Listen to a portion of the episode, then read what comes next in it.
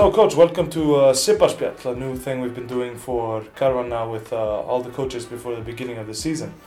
Uh, well, let's just start at the beginning. I mean, last year, amazing season. How how how how were you feeling at the beginning of the season versus the end of the season?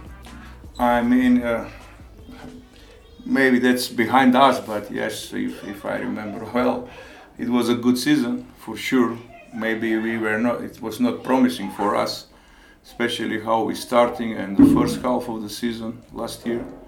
But uh, because of the injury and uh, many other things but uh, we managed something on some way you know to, to go strong in the playoff. And we made this i can say four year epic playoffs you know. And uh, yeah but unfortunately you know we lost. We couldn't finish this story Yeah. on the best way. But anyway, we, we give something, you know, what uh, people didn't expect, especially from here. ÍR always ÍR seemed to be very unlucky last year with injuries. Mahte out for half of the season, which was I mean good for some other players, but then that crucial sort of those crucial injuries during the playoffs, for instance with Kevin Capers in the last game. Did you did you think about maybe playing him even if he was a little hurt? Oh, we try everything. Uh, if I remember well, we try everything, you know, Kevin to to go on that uh, last game.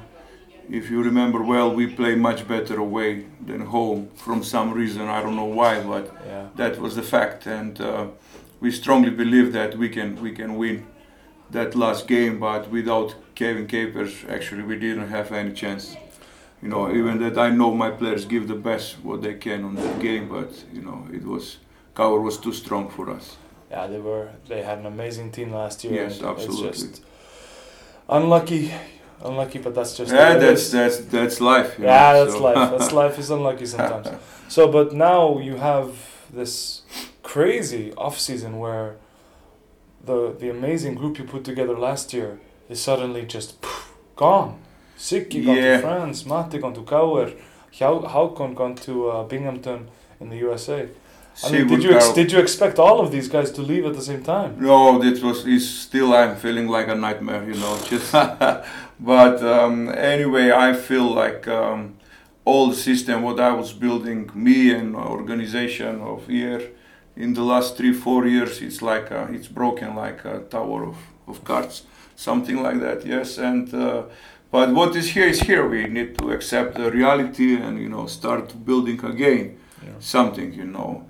And um, if I show you the roster, what I give in May to the board to sign the players, what I want, you know exactly what they they were my wish on my wish list.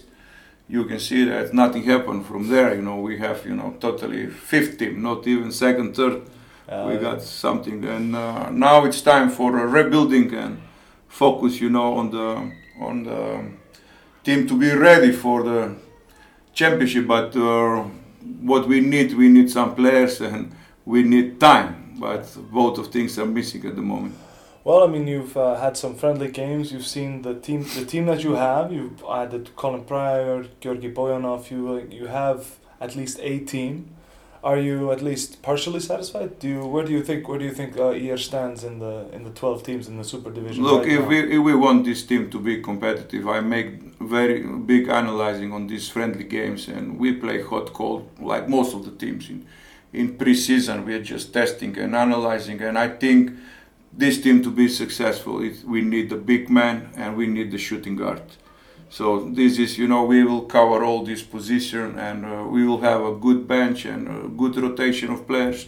And I'm not saying that this is going to be a winning team because these guys are these guys will be first time together, you know, and it, we need time to build a chemistry, to know each other, and to grow up, you know, during during the season. But you know, for like I say one more time, we need a big guy and scorer, one scorer more. so you're so you're advertising now for a big guy. Do you think there are, are there any big guys left? I mean, uh, there are always some big guys left. You know, I don't, I don't, I don't say that uh, we miss, unfortunately, those good players. What were, you know, kind of my wishing, you know, my wishes for the next season. But uh, there is always guy who can come and help for sure. You know, maybe not on the way like we want, and like you say, the most those quality guys. uh, especially Bosmans, they're you know signing with the when the home teams. It's uh, normal to be well paying over there, so just uh, Could be a little difficult to get some quality players. absolutely. So, I get that. but we we will try the best. I think from my side, I'm just I telling get you. what Oh. I need.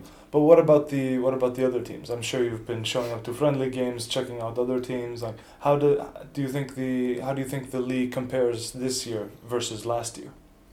This year, I think the teams take much more seriously. I see, example, Tindastol, they they signed four very quality players, you know, and I, I most of them I know the Europeans, you know, who are coming from Croatia and Slovenia. Then we have, uh, you know, Þorlákshöfn it's getting better. I watch Þorlákshöfn. I think they also, I heard they change American these days, but uh, definitely will take better one. So yeah, all the teams, and uh, I must say, Haukar made a terrific team. Yeah, it's gonna be you know one of the team. You know what it's gonna be. You know a surprise, not surprise, but they will make a good result, make a good result. So yeah, most of the teams, you know, Keflavik is stronger. Njarðvík is always strong. You know, do not forget someone. Fjolnir have a great three impact players so who give a very good. You know, I, I have opportunity to play against them and actually that was our worst loss in the preseason so that's been a serious team. And like i say to not forget any other team grindavik also great team. And we need to be careful you know. Uh, it's going to be tough season especially you know for for year Well, I mean, uh, people people talked about last year how uh, how much you got out of your team, especially in the in the postseason playoffs.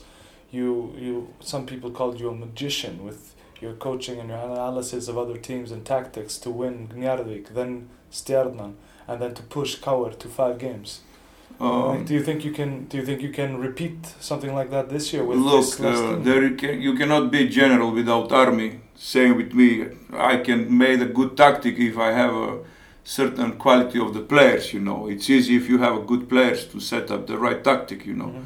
But uh, for me, at the moment, I I think I'm getting this like uh, I need first to rebuilding my team and to see where we at the moment. And if we have a chance, for sure, I will give everything this team to go further. You know Mhm. what we can, but just to not forget that we don't have the same teams. This is I'm not starting from zero. I'm starting from minus. This is how I feel. I got you. So, but then on to well, what team do you think? What team do you think are most likely to be Icelandic champions after the? I forget to mention Stjarnan. They, I mean, they made a great addition this this year, and I think they will be much more stronger. And for me, Stjarnan is also So is it between? the pressure this year is not on Stjarnan, and they will they will use that very good. Do you think it's between? Is it though between KR and Stjarnan, or are there other? Don't teams? forget Tindastol as well, and Keflavik, Njarðvík. They're all good teams, you know. Grindavik. Okay. You know, everybody have uh, you know three, four foreigners, and you know. a lot of I- X factors. Exactly, a lot of X factor. Let's see, you know, how the season will start. You know, some teams they are in much better shape on the beginning. Some teams will come later. You know, but those teams who made the rosters on the beginning, definitely the first part of the season they will go really strong on the top. Okay. Yeah, but uh, those teams who are creating the, the teams now, they will struggling, and you know, we will see how it's going to be. Uh, I mean, I think we're almost done with the short questions, but uh, I mean, maybe a couple like. Uh, Sippe, I don't think would uh, forgive me if I didn't ask you. Have you been? Have you seen any uh, good Icelandic movies lately? Movies. Yeah, any Oh. Icelandic ones? Do you watch Icelandic movies or TV shows? Oh, I watched one psychological one, but with my daughters. uh, You know, it was beginning of June, but I forget the name. I think it was uh, recorded in Isafjordur. So Oh, yeah, really? so so yeah, it was a kind of you know some psychologist. You know how the horror movie. You know, Ah, really? Yeah, so- really? Okay. I I, I don't know, you- remember so the you- so name now, but so you're into the psychology. yeah, absolutely, always. well, I said they wouldn't forgive me if I didn't tell you to check out the Dalalíf and Nýtt líf, old Okay. Icelandic movies. That uh, and he's he he expects every coach to be able to quote at least one line from that. Oh, movie. you'll send me the link. Yeah, you'll send me the link. So I will take a look. You know, definitely. Borche, thank you very much. Thank sir. you very much. Helen.